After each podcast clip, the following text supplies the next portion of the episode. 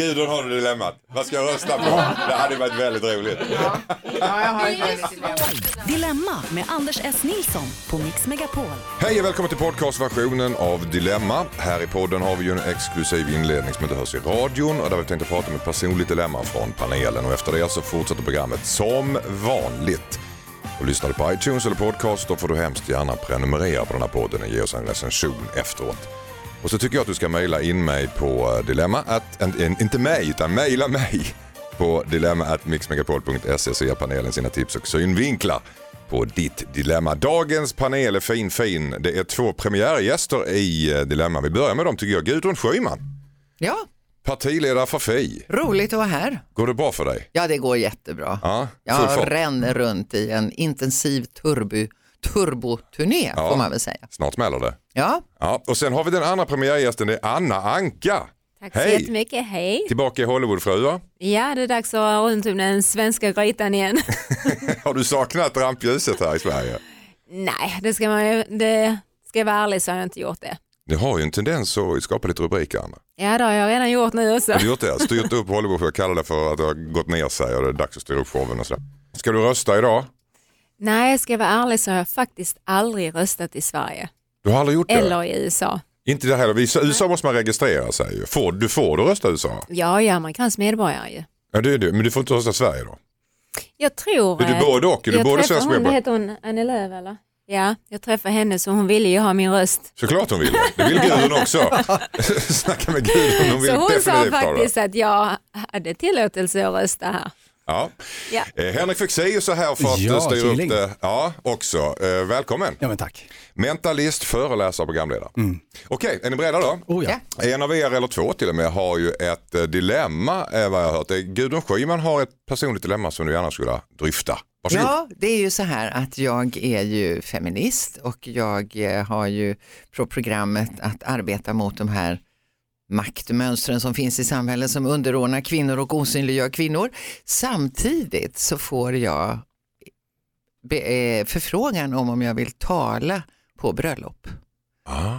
Jag har haft nära vänner som har gift sig.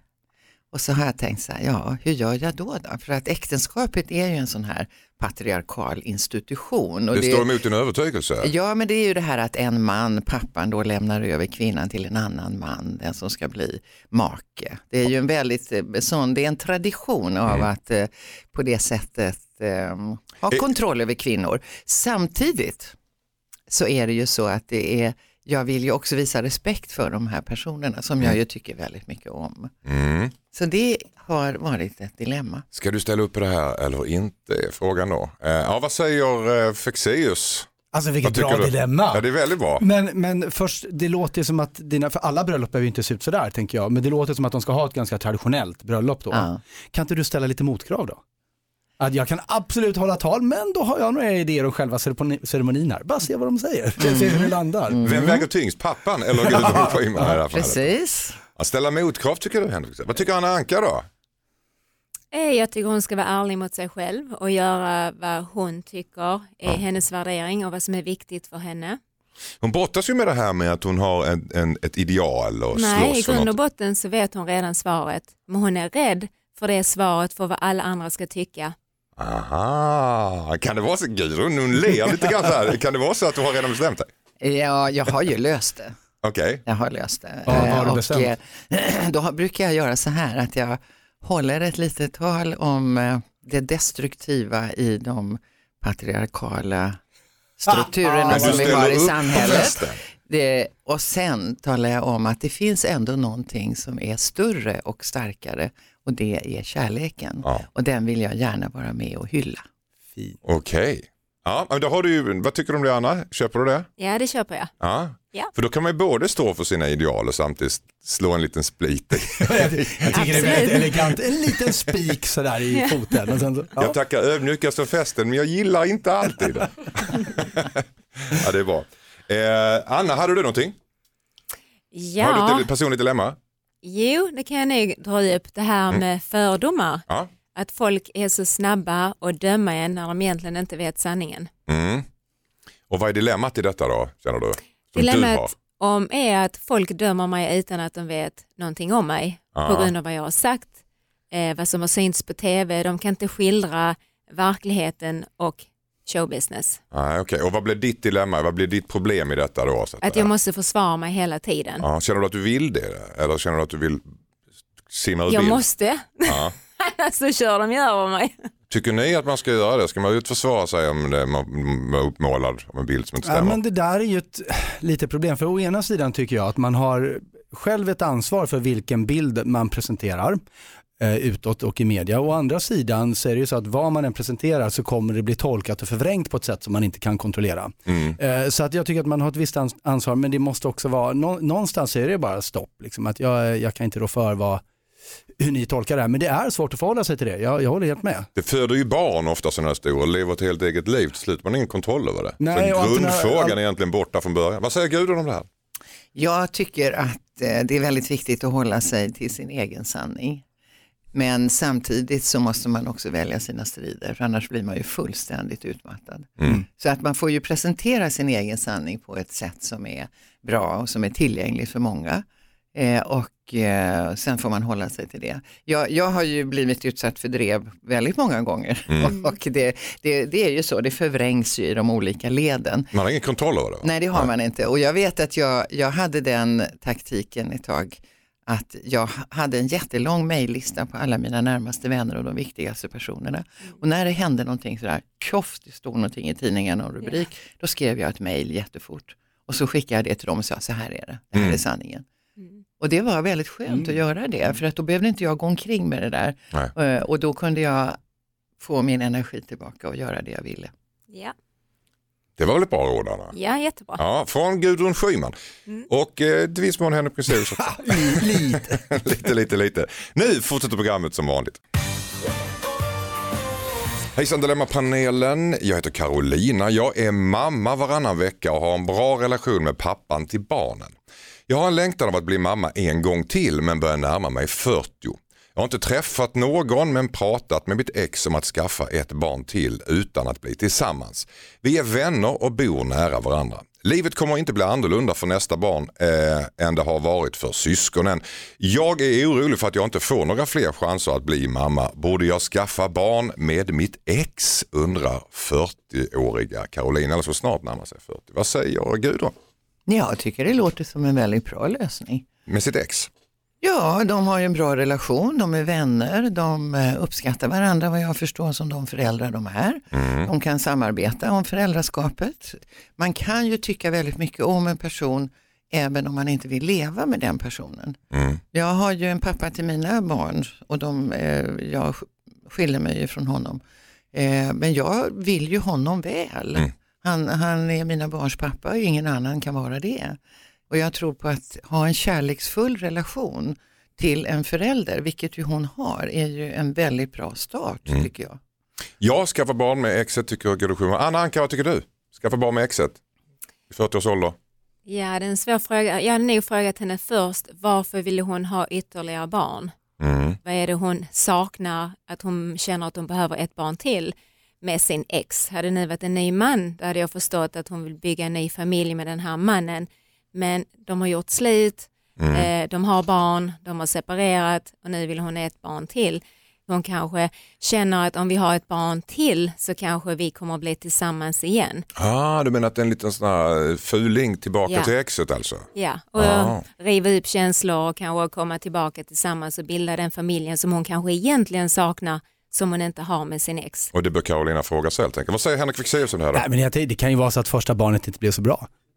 Nej, nej, förlåt, jag vet, man får inte säga så. Nej men, nej, men jag satt och tänkte jättemycket på vad, vad är det hon upplever som ett problem här. För att jag är lite egentligen inne på, på Gudruns linje, det låter ju eh, ganska bra här.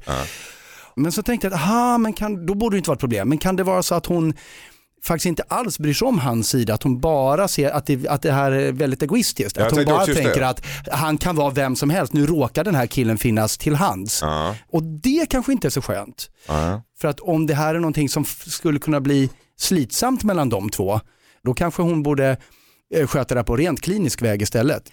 Att vilja ha barn är ju en i sanning en djupt egoistisk känsla. När den vaknar hos mig så var det ju väldigt bra att jag hade en man som jag då levde ihop med. Faktiskt. Men det är ju inte så att att det är liksom för att jag träffade den mannen så ville jag ha barn. Nej, nej, Utan viljan att ha barn är ju en, en egen Ja. vilja. Och då tänker jag att om hon har nu en man som redan är pappa till, ett utav, till det barnet hon har och han fungerar bra så är ju det en väldigt bra lösning. Jag tror inte man behöver komplicera det. Väldigt många skaffar ju barn på egen hand för att de inte har någon som eh, kan leva upp till ett, eh, en relation med ett föräldraskap. Och det här, det här är, innebär ju att det här barnet får ett syskon. Det innebär ju väldigt mycket positiva fördelar tycker jag. Så du menar att det här att det är en egoistisk eh, handling hon ska fråga sig själv, det är helt klart att det är, för det är egentligen alltid att skaffa ett barn en egoistisk handling. Ja. eller Gud. Ja, det menar jag. Du tror Sen- aldrig att man kan tänka, tro på kärlek, så man har inte tänkt på det, så träffar man en partner, så jag älskar honom så mycket eller henne så mycket så jag vill att vi ska bli 50-50 i en liten individ här. Nej, jag tror inte man tänker så. Carolina, eh, du ska fråga dig själv ifall det här är egentligen bara du själv och egoistiskt vill att du ska skaffa barn, tycker Anna och eh, Henrik. Eh, om du kommer fram till det så är det inga problem med det heller. Tycker Gudrun, så skaffa barn. Tack. Hejsan Dilemmapanelen, jag heter Alina. Jag och min kille ska gifta oss. Jag älskar honom och ser fram emot bröllopet. Problemet är ringarna. Min blivande man har satt en gräns på totalt 8000 kronor för båda ringarna. Jag hittar inga snygga ringar för de pengarna och tycker helt ärligt att det är snålt. Vi har båda precis pluggat klart och är inte i den bästa situationen rent ekonomiskt. Men kom igen. Vi gifter oss en gång, herregud. Jag har erbjudit mig att skjuta till pengar men han är traditionell av sig och vägrar. Kan man säga nej till giftermål för att ringen är för billig? Gudrun Schyman, vad säger du? Nej, det tycker inte jag. Det, det låter, eh, det låter som Ogint. en väldigt eh, konstig anledning tycker jag. Antingen så löser man det genom att den ena betalar lite mer än den andra. Killen vägrar Eh. det, han är traditionell. Ja, och det kan jag ju säga att jag tycker låter lite oroande då. Att han har en sån traditionell mansroll får man väl säga, när han absolut inte kan tänka sig att bli erbjuden någonting ifrån en kvinna. Mm. Och det är väl det som de kanske ska fundera över då. Ekonomiskt, det är Eh, osmart. att, att hon ska fundera över, är det här ett problem? Ja. Kommer det vara så att han kommer att uppträda hela tiden i den här konventionella, traditionella stereotypen av att vara den som ska minsann göra rätt för sig och försörja och så vidare. Då kan det bli för problem. Finns ett varningsflagg här helt enkelt? Ja, det kan man kanske hissa här. Anna Anka, vad säger du? Kan man eh, säga nej till giftermål för att ringen är för billig? Vad säger du? Ja, jag tycker det är en onödig grej att bryta upp ett giftermål på grund av en ring. Jag hade nog hittat en lösning som hade fungerat för båda två. Vad är det han värderar? Vad är det, vad är det som är viktigt för henne? För tydligen så ser de inte varandras värderingar. Jag ska inte peka finger bara på honom, jag tror det är lika mycket henne. Vad är det som är så viktigt? Och det är kommunikationen som fattas där, så där hade jag börjat. Ko- Förbättra kommunikationen helt enkelt. Tycker jag. Vad säger Henrik Fexeus? Om han nu vill vara den här traditionalisten som bara, nej nej, jag ska betala ringen. Då tycker jag, då måste han ju också ta den rollen hela vägen och då är det ju inte vilken ring som helst som, eh, det går inte att säga, jag betalar det här fast, fast jag har vissa för, alltså det går inte. Han får vara antingen eller tycker jag. Jag betalar alltid för att det kostar mer än 250 spänn. Men, men för honom är det viktigt att få fatta vissa beslut. Men han vill ju inte att hon ska vara med och bestämma i beslut som han tycker att han ska fatta. Och det blir en väldigt problematisk relation tänker jag. Så Låt, ja. Låt, låt säga att det är du Anna ska gifta sig här. Hur hade du börjat en sån kommunikation med honom? För det första hade jag aldrig sagt en sån grej, nummer ett. För det ska egentligen vara en överraskning. Du ska inte välja din ring själv som kvinna, utan om han nu tar den här rollen och köper ringen, då tycker jag det är jätteotacksamt att sitta och säga den här kostar bara 8000, den är inte fin nog. Alltså det... Du ska inte välja din ring som, själv som kvinna. Nej. Det tror jag inte om Gudrun håller med om. Gör du det? Nej, jag visste inte ens att det var så. Men, men, det, Men jag har heller aldrig gift mig av kända skäl. men, men, så att jag... det fanns väl ingen ring nu va? Eller så kan de Men ju man- bestämma sig för att de ska köpa ringar när de har bättre ekonomi. De kan ju ta något väldigt enkelt till att börja med. Och sen byta upp sig under resans gång. Ja, Ja, eller precis. Ekonomin tillåter. Det tycker jag vore det smartast Man, kanske. man tar ett snack för två. Hur tycker du själv att det här giftermålet går? Ja, okej, ja, men då tar vi och uppgraderar ringen. Ja. Annars så tar vi och köper en billigare ring. Okej, hur som helst så är det inte bara ringen det här handlar om. Det handlar om lite varningsflagg också. Vad är det här för kille? Tycker Henrik Fexeus och Gudrun Schyman att du ska ta reda på. Och prata med honom. Eh, och det var varför det här är så viktigt för honom tycker Anna Anka. Tack så mycket. Hejsan Dilemmapanelen, jag heter Celine. Jag har varit ihop med min sambo i två år och blivit bonusmamma till hans sexåring. Nu fyller barnet år snart och vi ska ha kalas hemma hos oss. Vi bor större och det passade bättre än att vara hos mamman. Men nu har hans mamma hört av sig och vill att jag ska hålla mig borta under kalaset. Det känns för jävligt att bli utkastad ur sitt eget hem. Men jag vill inte dra igång ett bråk i onödan. Hur skulle ni gjort? Undrar Celine. Vad säger Gudrun Schyman? Detta går ut över flickan Mm. som ju kommer att tycka att det är jättejobbigt att stå mm, i den här striden. Det kommer ju hon att känna av. Ungar känner ju allt eh, och tycker säkert om sin bonusmamma och tycker naturligtvis om sin mamma och vill vara lojal med sin mamma. Så det här måste de vuxna ta ansvar för. Och då tycker jag att den här bonusmamman ska prata med den biologiska mamman, att de sätter sig ner över en fika helt enkelt och reder ut det här för att förhindra att det blir fortsättning som kommer gå ut över flickan. Anna Anka, vad säger du om det här? Ja, här håller jag med, för det hade jag gjort likadant. Mm, inte med sambon då? Att du Nej. får ta upp det med ditt ex här nu? Ja, men män väljer ju den sidan som det är minst konflikt med. Oj, oj, oj. Här kom stereotyperna fram. Ja, Är det så? ja. Är det så Henrik? män gillar inte Är konflikt. vi ryggradslösa? Ja, jag vet inte, vad tycker du? Nej men det är ju inte, jag, jag, jag tycker att det är att ta ansvar för sina egna känslor. Det är ju hon som har skrivit brevet nu, Celine, Mm. Som är upprörd Ja. och som känner att jag blir överkörd här. Och en insikt hoppas jag om att om de inte löser det här så kommer den som förlorar mest är flickan. Ja, så är det. Vad säger Henrik Fexeus här? nu kommer jag göra en massa antaganden, men som jag är övertygad om är helt sanna. Mm. Eh, och det ena är att jag tror att det här budskapet att vår brevskrivare inte ska vara på festen, det har gått genom pappan. Mm. Eftersom det är sant så tänker jag att barnets mamma då är lite konfliktskygg kanske.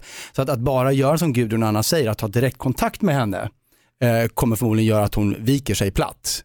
Men jag tänker också så här, det är väldigt konstigt att det här budskapet som jag är övertygad gick genom sambon, att det gick genom honom, att inte han liksom gjorde en markering. Du gjorde en tes utifrån ditt eget antagande. Ja, ja, som är helt Spännande. sant. Mm. Eh, Så, eh, nej, men, han har liksom lagt över någonting bara på henne som faktiskt handlar om hans konflikt med sitt gamla ex. Ja, jag håller med dig där faktiskt. Jag Det, det är inte okej Men att bara jag, flytta den vidare. jag håller ju med Anna om att det här är ju väldigt typiskt för män.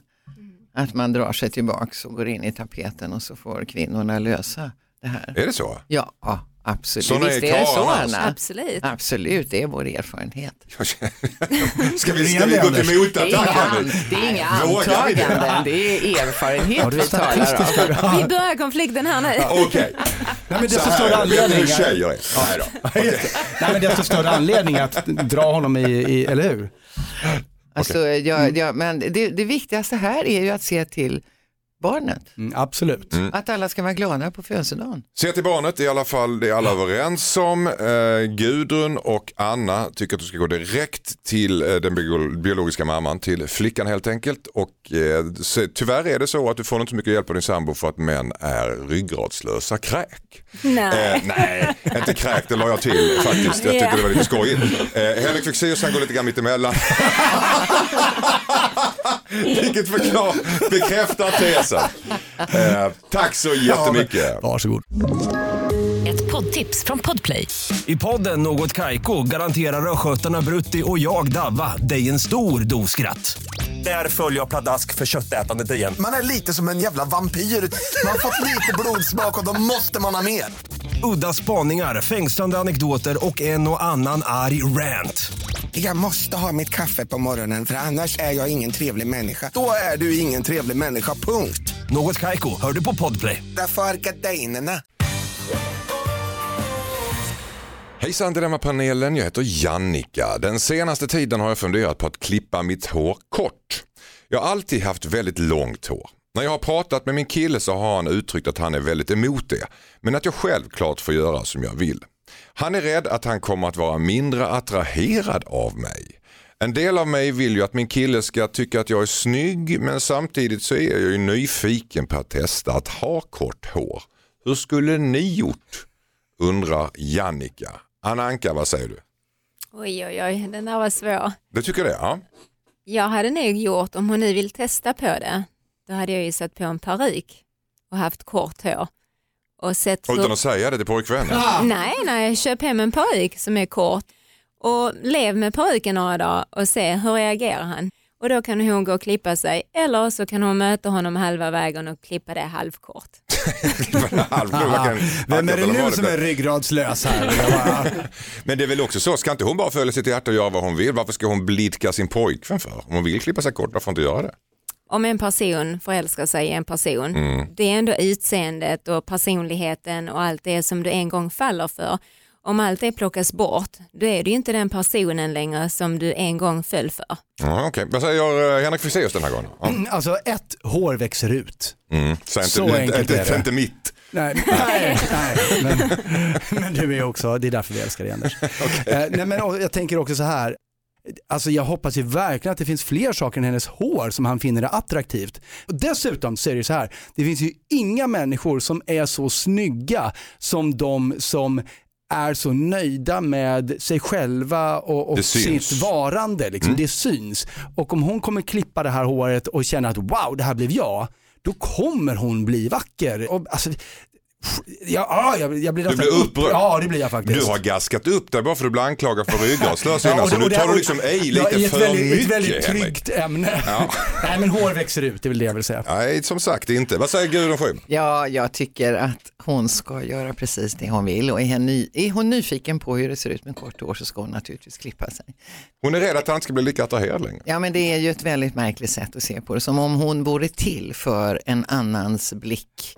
Och det här är ju ett problem i hela samhället, att det är mannens blick i väldigt hög grad som styr en massa saker och ideal och skönhetsideal och annat. Och det är väl klart att håret är ju någonting som vi kan faktiskt experimentera med, för precis som du säger Henrik så är det ju, det växer ju ut. Den gör ju det utom på män. Men det är ju lustigt. Det, ja, nej, ja, nej, men det är ju lustigt det att vi aldrig pratar om mäns hår på det sättet. Som att Pratar om det- mitt hela tiden. Nej, nej men alltså, Herregud, man, ja, men man skulle kunna tänka sig så här, att man sa ja men männen blir så oattraktiva för att de tappar ju håret och blir flintskalliga allihopa så att nu måste jag ha en ny man som har vackert och lockigt hår. Så diskuterar vi ju inte. Men när det Jo, gäller, nej, men när det gäller kvinnor och kvinnors utseende så är det ju de här attributen och det står i vägen för att se människan. Men det finns ju ändå någonting, alltså någon slags kommunikation man har i ett förhållande. Att man, man, om någon frågar sig, är jag fin i den röda tröjan eller den svarta Ja men det tröjan? kan man ju göra, liksom- tycker, du, jag- tycker vi och vilken tycker du jag ska ha, vilken, Ja. så den kommunikationen kan man naturligtvis Då är man ju ha. ändå där och det här, tassar ju. Ja men det här låter ju, hon har skrivit in det som att det är ett dilemma. Mm. Alltså det är ju inte så liksom, tycker du att jag ska klippa mig eller inte, nu ska vi se hur det blev. Det är ju inte på den eh, lätta nivån utan det här verkar ju vara mycket allvarligare. Hon är- Hon är ju orolig, Ja. eller hur? Det här är ju någonting djupare. Mm. Ja. Peruktesta tycker Anna Anka, du ska absolut göra som du vill. Eh, tycker eh, både Henrik och Henrik gjorde det med en fas den här gången. Tack. Tack så mycket. Hejsan Dilemma-panelen, jag heter Erik. Jag och min fru diskuterar om vi ska ge våra barn 9 och 11 år gamla veckopeng baserat på hur de sköter sig. De är ganska stökiga i skolan och undviker sysslor i hemmet som vi försöker lära dem.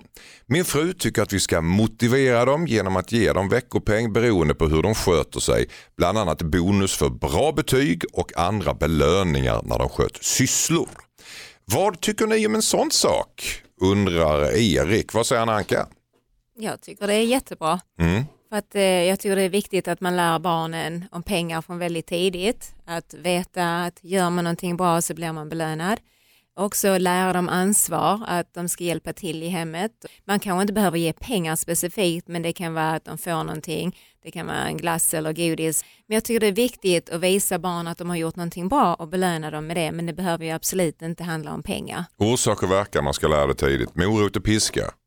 Vad säger Henrik Fexeus? Nej jag tycker inte det är bra. Därför att eh, om man, det låter som att de vill få till beteendeförändringar hos sina barn.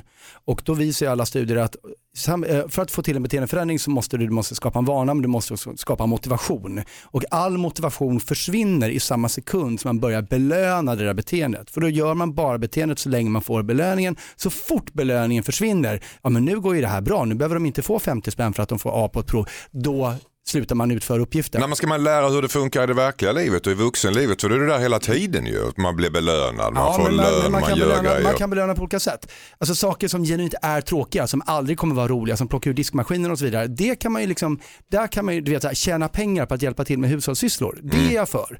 Men att få till lite så här större beteendeförändringar i deras personlighet, det kommer inte funka med ekonomisk Vad belöning. tycker du om det här då med bland annat bonus för bra betyg och andra Nej. belöningar man skött syssla? Vad tycker Gudrun Schyman? Ja, nej men jag är inte för det heller. Alltså, jag tycker att man ska prata om vad det är att vara vuxen, att bli vuxen, att kunna ta Men mer så måste av man inte ansvar. nöta in det Gudrun. Alltså man lär sig så trial and error. Nej men det sätt. handlar ju också om, om man lever i en familj så handlar det ju också om att prata om att här lever vi tillsammans. För det finns ju med ökad ålder ganska stor möjlighet att diskutera. Ska vi ha ett schema på det här? Hur tar vi gemensamt ansvar för att vi ska fungera så bra ihop som möjligt? Mm. Där, och där kan det finnas pengar med, men det måste inte det. När det gäller skolan så är det en helt annan sak. Hur motiverar man en tonåring att bädda sängen då Henrik Fexeus? Själva motivationen. Ja men då, då vill jag citera Gudrun sen en timme tillbaka ungefär, att man får också välja sina strider. Ja, okej. Mycket bra. Tack så mycket. Hejsan Dilemmapanelen, jag heter Alessia. Jag har börjat dejta en kille nyligen. Han är fantastisk på många sätt men han pratar väldigt högljutt. Speciellt när han blir uppspelt, då är det som att han inte kan hejda sig själv. Jag skäms och ber honom prata tystare men då blir han irriterad och vi börjar tjafsa. Jag är lite mer timid men det har blivit så att jag inte vågar säga åt honom för att jag vill undvika tjafs och så skäms jag bara. Hemlighet istället. Jag har inte det här problemet med andra men, men han tycker ändå att det är mitt problem och något jag måste jobba med. Vad ska jag göra undrar Alessia som har en högljudd kille. Anna Anka, var det du som fnissade till där? Det var rätt löjligt. Ehm, om han nu är happy och han är excited och han är högljudd för att han är, Mm. uttrycker sig, ja att hon ska skämmas, det är egentligen hennes problem. Varför tror du hon skäms? Ja, för jag, det jag tror hon ser en reflektion i honom som hon själv inte har vågat älska i sig själv. Som hon Ah. har förtryckt. Att Ja. hon kanske är sån i grund och Ja, botten med att hon alltid håller igen. Hon vågar inte för att hon tycker att det är fult att vara högljudd och det är fult att bete sig på det viset. Mm. Är du högljudd Anna? Eh, Anser du själv att du Ja. är högljudd? Ja. Absolut. Men jag kan också känna det. Har du känt någon gång att, att folk är, är Ja, de skäms säger för dig? Anna tyst, tyst och du vet de säger så. Eller om jag säger kolla där och, och du vet och de åh tyst, då blir de ju rädda och så, så jag kan ju känna igen mig i det. Jag är också högljudd. Det är sånt? Okej. Men Ja. eh, jag, jag, kan ju, jag har ju min, jag höll på att säga min sambo, jag menar min fru, jag är ju gift nu för tiden. Ja. Eh, det blir så nytt för mig. Eh, Grattis. Hon, tack, det var det jag ville fiska Ja, ja, ja, lite efter. Det tog lite. Hon kommer från en väldigt högljudd familj, så att hon är också väldigt högljudd. Och när de sätter igång, när vi har så vidare, det, locket slår ju för öronen. Alltså. Så det finns ju en, en praktisk dimension av det här också, att det är lite jobbigt att lyssna på väldigt högljudda människor. Jag är inte så tyst själv. Men jag brukar faktiskt säga till min fru när vi sitter i soffan och pratar, så säger jag bara, jag sitter här. Och det räcker ofta. Liksom. De första tio gångerna så tyck, blev hon väl lite småsur. Passivt aggressivt, jag sitter här. Men, men, men sen lärde hon sig att det var bara cue till att oj, hur pratar jag nu liksom. Så att Mm. det, jag, jag förstår, jag förstår henne, men, men det är ingen big issue och det är lätt att hantera tror jag. Vad säger Gudrun? Är du, anser du att du är högljudd och tar mycket plats? Nej, det är jag inte. Men jag har ju börjat höra lite dåligt så att jag kräver ju av folk att de ska Du gillar höja folk är rösten så att jag hör ordentligt. Men, eh, ehm, nej, men jag, jag tänker så här att det är ju ett problem att hon inte tycker att hon kan säga till honom Mm. eller att hon får ingen respons där. Jag tycker det verkar som de behöver sätta sig ner och prata, kanske med hjälp av någon. De behöver ha en rakare kommunikation där han också tar in att detta är ett problem för henne och där hon tar in att det här är kanske en del av hans personlighet. Relationer generellt, är det så att man nu håller igen saker? Man, man väljer inte sina strider, pratade vi om innan. Är det så att man kan bli sån lite så van att man inte väljer så många, till slut väljer man inga strider alls? Jag tänker att han också kanske ska ha ett hörseltest. Ja, Kan det så kanske han Han ska kanske hör göra. dåligt. Ja, Ja. så, tänker kan det jag. också vara. Nej, men det är väl, inga, det är väl ett generellt problem att, man, att många är konflikträdda och att man, och särskilt i relationer. Vi pratade innan om att välja sina strider, men det här är en strid du ska ta. Alla, äh, inte med bång kanske, men sätta ner och prata i alla fall i samtalston. Ja. absolut. Och det kan, så, att- kan vara så Alessia att det här är någonting som du är rädd för hos dig själv och det är därför du projicerar din irritation på honom. Ja. Tycker Anna Anka men inte Henrik. Sådär ja, Jaha. lite en, eh, ja. Jag tyckte det var jättespännande tack jag, säg inte nej till den. tack så mycket. Ryggradslös som jag är. Hejsan Dilemmapanelen, jag heter Amanda. Jag har starka känslor för två män och vet inte hur jag ska göra. Den ena är min frånskilda man. Det är inget romantiskt mellan oss men han är min bästa vän och vi har roligt ihop. Den andra mannen har jag haft en relation med i ett par år. Han vill gå vidare i vårt förhållande och flytta ihop. Men han vill att jag bryter med min exman. Jag vill behålla relationen med min exman. Den är helt platonisk ska jag säga. Skulle ni bryta med er bästa vän för kärleken? Henrik Fexeus, vad säger du? Jag tycker det är konstigt att han inte vid det här laget känner hennes exman. Han kanske helt enkelt behöver lära känna den exmannen lite för jag tycker det låter lite extremt att hon ska bryta med en kompis för att hennes nuvarande ska bli trygg i deras relation. Mm. Vad säger Gudrun Schyman om detta? Ja, jag håller med om det. Jag tycker att det här låter alarmerande. Det handlar naturligtvis om svartsjuka, ett behov av att äga och kontrollera. Mm. Och jag tycker det låter väldigt obehagligt att ha en sån relation måste jag säga. Ska hon göra slut med den mannen om en minut? Nej, men de får väl försöka reda ut det på något sätt. Alltså jag ska säga, jag har ju levt med flera män i, under äktenskapsliknande former, några stycken, och jag har alla med i mitt eh, privatliv numera. Anna Anka, vad säger du om detta? Men jag håller inte med Gudrun där när det kommer till relationer. För jag ser så här, varje kapitel, varje människa som kommer in i ditt liv. Mm. Där finns en plats och tid för alla. Men bara för att de har varit där i ditt liv i fem, sex år så betyder inte det att de ska vara i ditt liv för resten av ditt liv. Ja, men det är ju ty- inget måste, utan men, om man har en bra relation, om man känner själv, och hon känner ju själv att hon vill ha den här relationen. Men jag tycker det är utav respekt. Om han nu känner att det är du och jag som ska bygga en framtid, om jag hela tiden ska dra in mitt dåtid i den här relationen så blir det bara skit. Jag håller inte med alls. Alltså, jag tycker ju att de män jag har levat med eh, har jag ju gjort det för att jag har tyckt om det. Men sen så kan man ju utvecklas på olika sätt genom livet och så går man skilda vägar men kan ändå fortsätta vara vänner. Och den vänskapen är ju mycket värd och det tycker jag att den nya partner som jag lever med också ska respektera.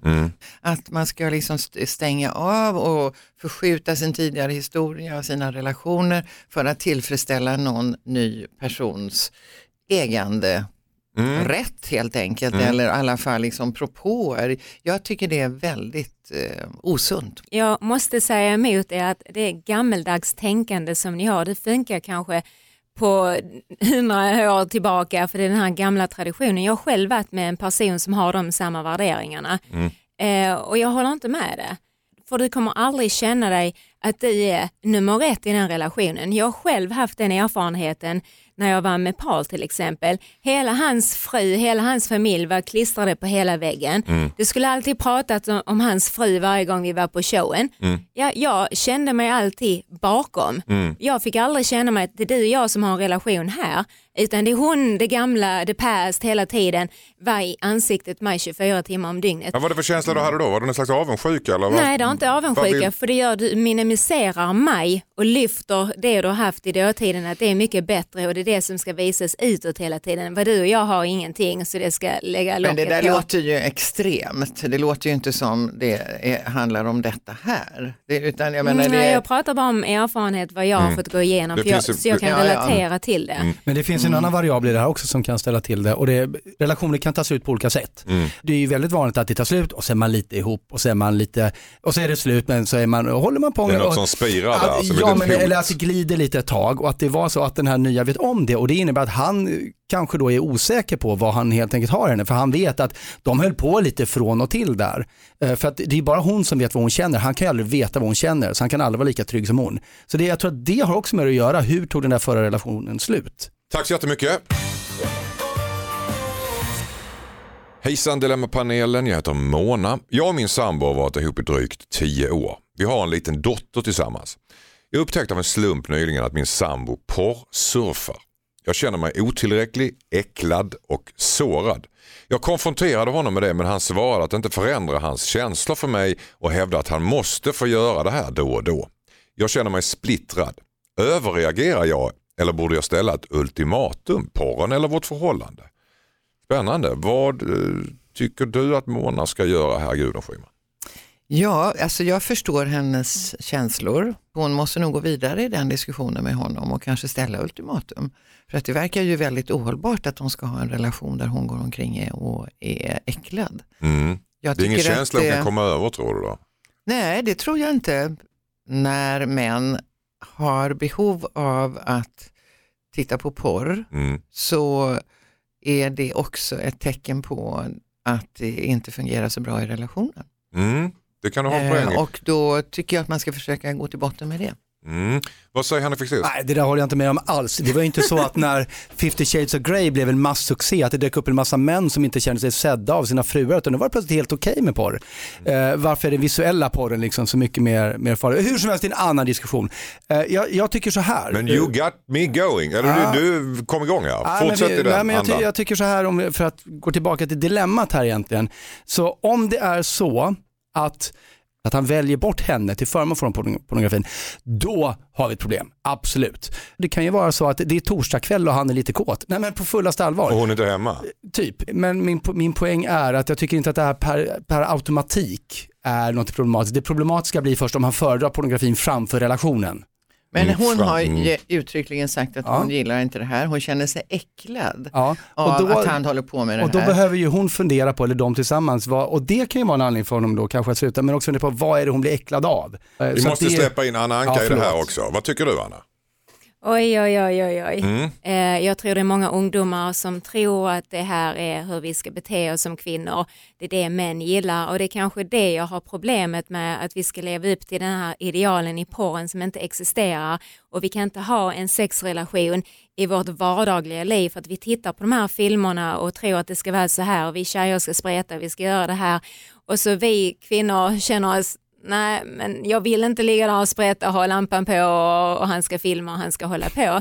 Det blir ju en äcklad grej till så vis. Ja. Men om man har det i bakgrunden och man kan ha det som en stimulans. Bakgrunden? I bakgrunden Som ja. lite, lite musik till middagen.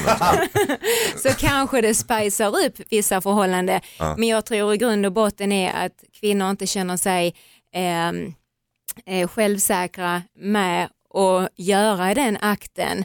Jag tror att porr kan både vara nyttigt och dåligt beroende hur långt går man.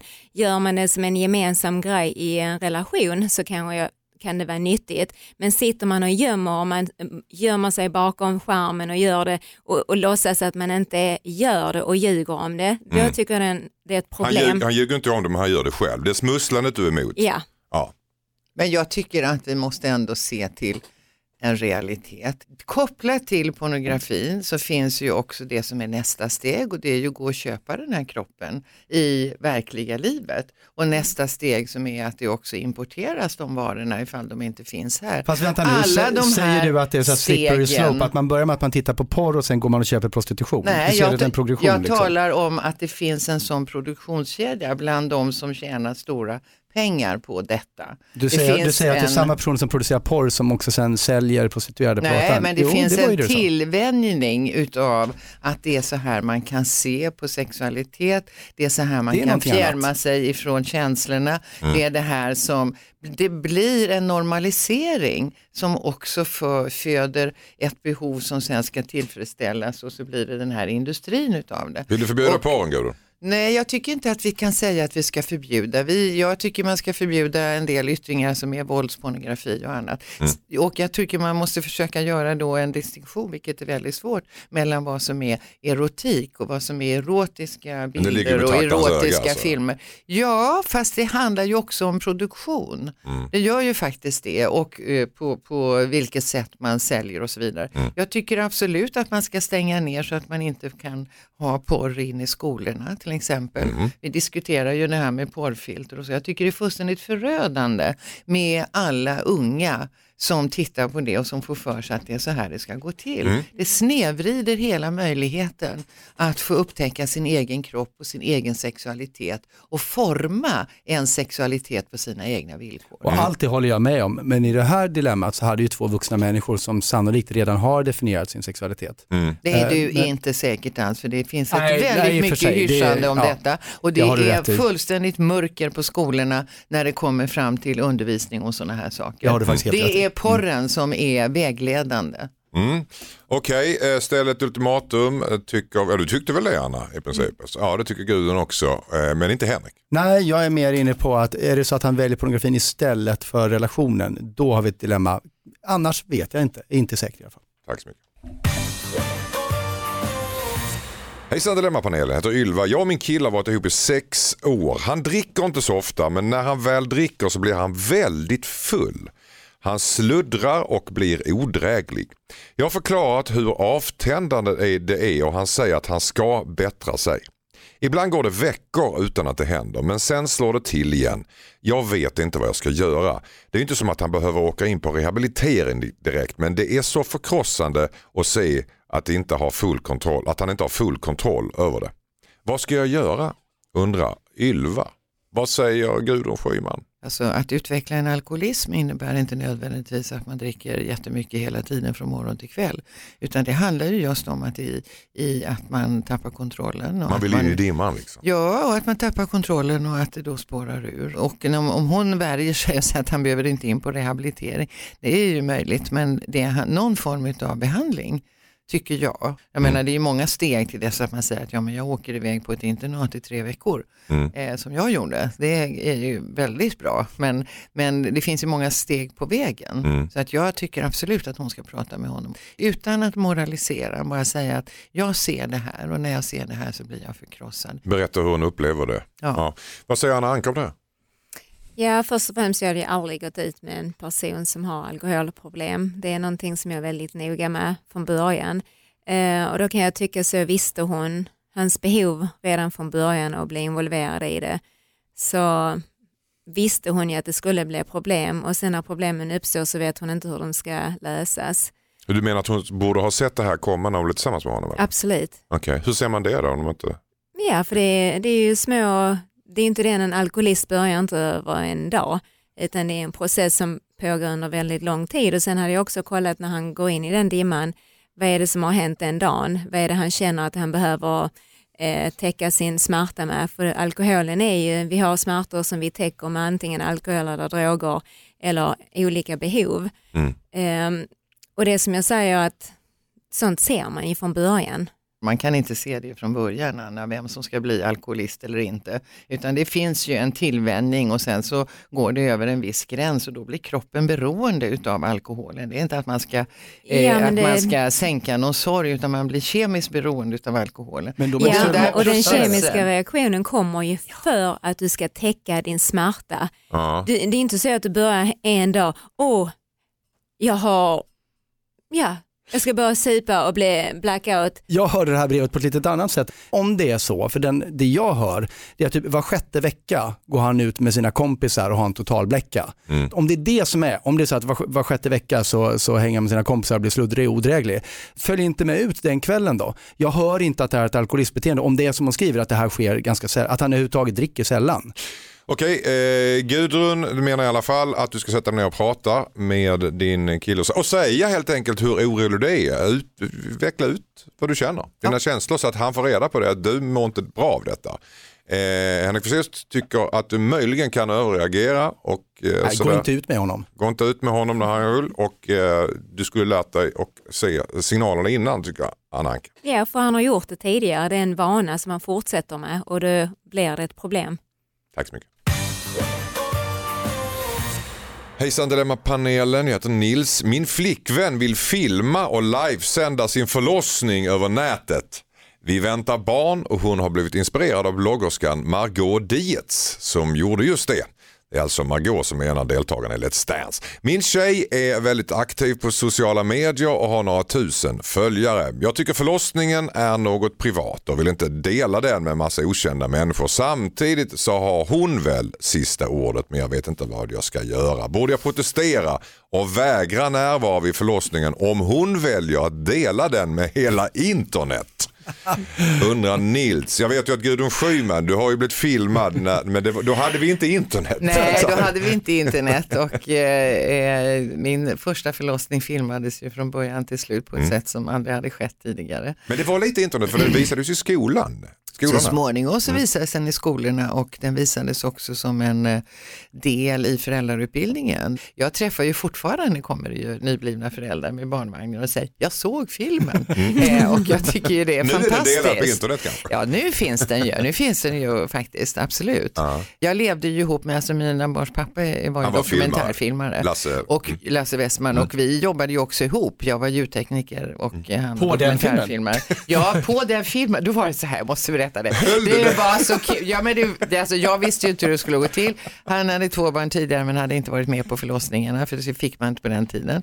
Och så skulle vi filma och han skulle filma och jag skulle vara ljudtekniker. Jag skulle ha, jag skulle ha bandspelaren, det var sådana här gamla då med band va, som jag skulle ha vid sidan av sängen. Man var helt idiotisk. Så fick han ryggskott eh, så han kunde inte filma. Så vi fick tag i några kollegor som kom eh, och filmade. Det var ju en väldigt tur för jag hade ju inte kunnat sköta ljudet. Det var ju helt eh, Trodde han att du skulle klara av det? Ja, ja, han trodde väl det. Han hade ju inte varit med tidigare han Ja, just heller. Så Det är för mycket diskant älskling. Ja. Nej men så att det var ju det var både en filmare och en ljudtekniker som skötte det där och det hela blev väldigt bra. Men vad jag ska säga är att man måste ju vara överens om tagen, annars så går det ju inte. Och eh, att sända det här liksom rakt ut utan att man har någon som helst aning om hur det kommer att bli, för det vet man ju inte. Jag skulle verkligen avråda från det. Åh, jag nej. tycker man skulle då ta de ögonblick som man själv vill, kanske någonting i början och nu ska det ske och, och sådär och sen när barnet har, har kommit ut och det- sådär. Det. Filma men redigera är det du säger. Absolut. Ja. Vad säger Anna Anka? Skulle du kunna tänka dig att göra det? Alltså för privatbruk hade jag kunnat göra det. Jag har själv filmat mina förlossningar. Eh, jag tycker det är jättefint och det är kul att titta tillbaka på. Så men jag skulle absolut inte visa det på internet och låta alla få se min förlossning. Där går gränsen. Där går gränsen alltså. Ja. Henrik Fexeus. Nej men till att börja med eh, så tycker jag absolut inte att han ska vägra vara med på förlossningen. Sen är det också att det här är första barnet, man har massa idéer om första barnet. En sån idé är just där, det här är ett väldigt privat, intimt moment, bara vi. Så kommer det inte vara. Barnmorskan kommer komma in och säga, kommer att säga, hej det här är Peter och Ines, de går utbildningen här, okej om de är med och tittar på. Alltså det kommer vara främmande människor där, det är bara att tugga i sig det. Eh, Hem till men- mina rum. Där Men- kommer ingen in. Nej, man får ju säga nej förstås. Men vad som helst kan hända. Eh, det, det kanske inte är så att, att, eh, att i alla lägen i livet där det är bra att ha en kamera där. Så vill ni dokumentera det här, gör det under extremt kontrollerade former. Det känns som att- Dessutom ja, är det ju så mm. att det finns ingen kontroll över hur det här materialet används. Nej, det är också. Ja, Det kan det. ju dyka upp i vilka sammanhang som helst. Korrekt, ja. Förstår du, kan, hennes underliv kan dyka upp i vilka sammanhang som helst. Ja, Det skulle jag aldrig utsätta mig för. nej. Nej, håller med. Okej, det känns ju någonstans som Nils, eh, låt din flickvän lyssna på eh, Dilemma här helt enkelt, ja. på podden. Ja. Så får du en Absolut. eh, kanske ett argument som du slipper ta själv med din flickvän. Jag säger tack så jättemycket till Anna Anka Tack så jättemycket. för att du har varit den här helgen. Tack så mycket Henrik Fexeus. Tack, tack. Och tack så mycket Gudrun Schyman. Tackar. Och lycka till ikväll. Tack så mycket och gå nu och rösta alla om ni inte har gjort det. Gör På det. mig förstås. Absolut. I alla fall rösta. Nästa helg får jag besök av Olof Rolander, Alexandra Pascalido och Morten Andersson. Vi hörs igen nästa helg. Vi säger toodiloo! Ett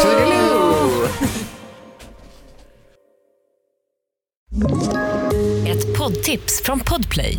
I fallen jag aldrig glömmer djupdyker Hasse Aro i arbetet bakom några av Sveriges mest uppseendeväckande brottsutredningar. Går vi in med hemlig telefonavlyssning och, och då upplever vi att vi får en total förändring av hans beteende. Vad är det som händer nu? Vem är det som läcker? Och så säger han att jag är kriminell, jag har varit kriminell i hela mitt liv men att mörda ett barn, där går min gräns. Nya säsongen av Fallen jag aldrig glömmer på Podplay.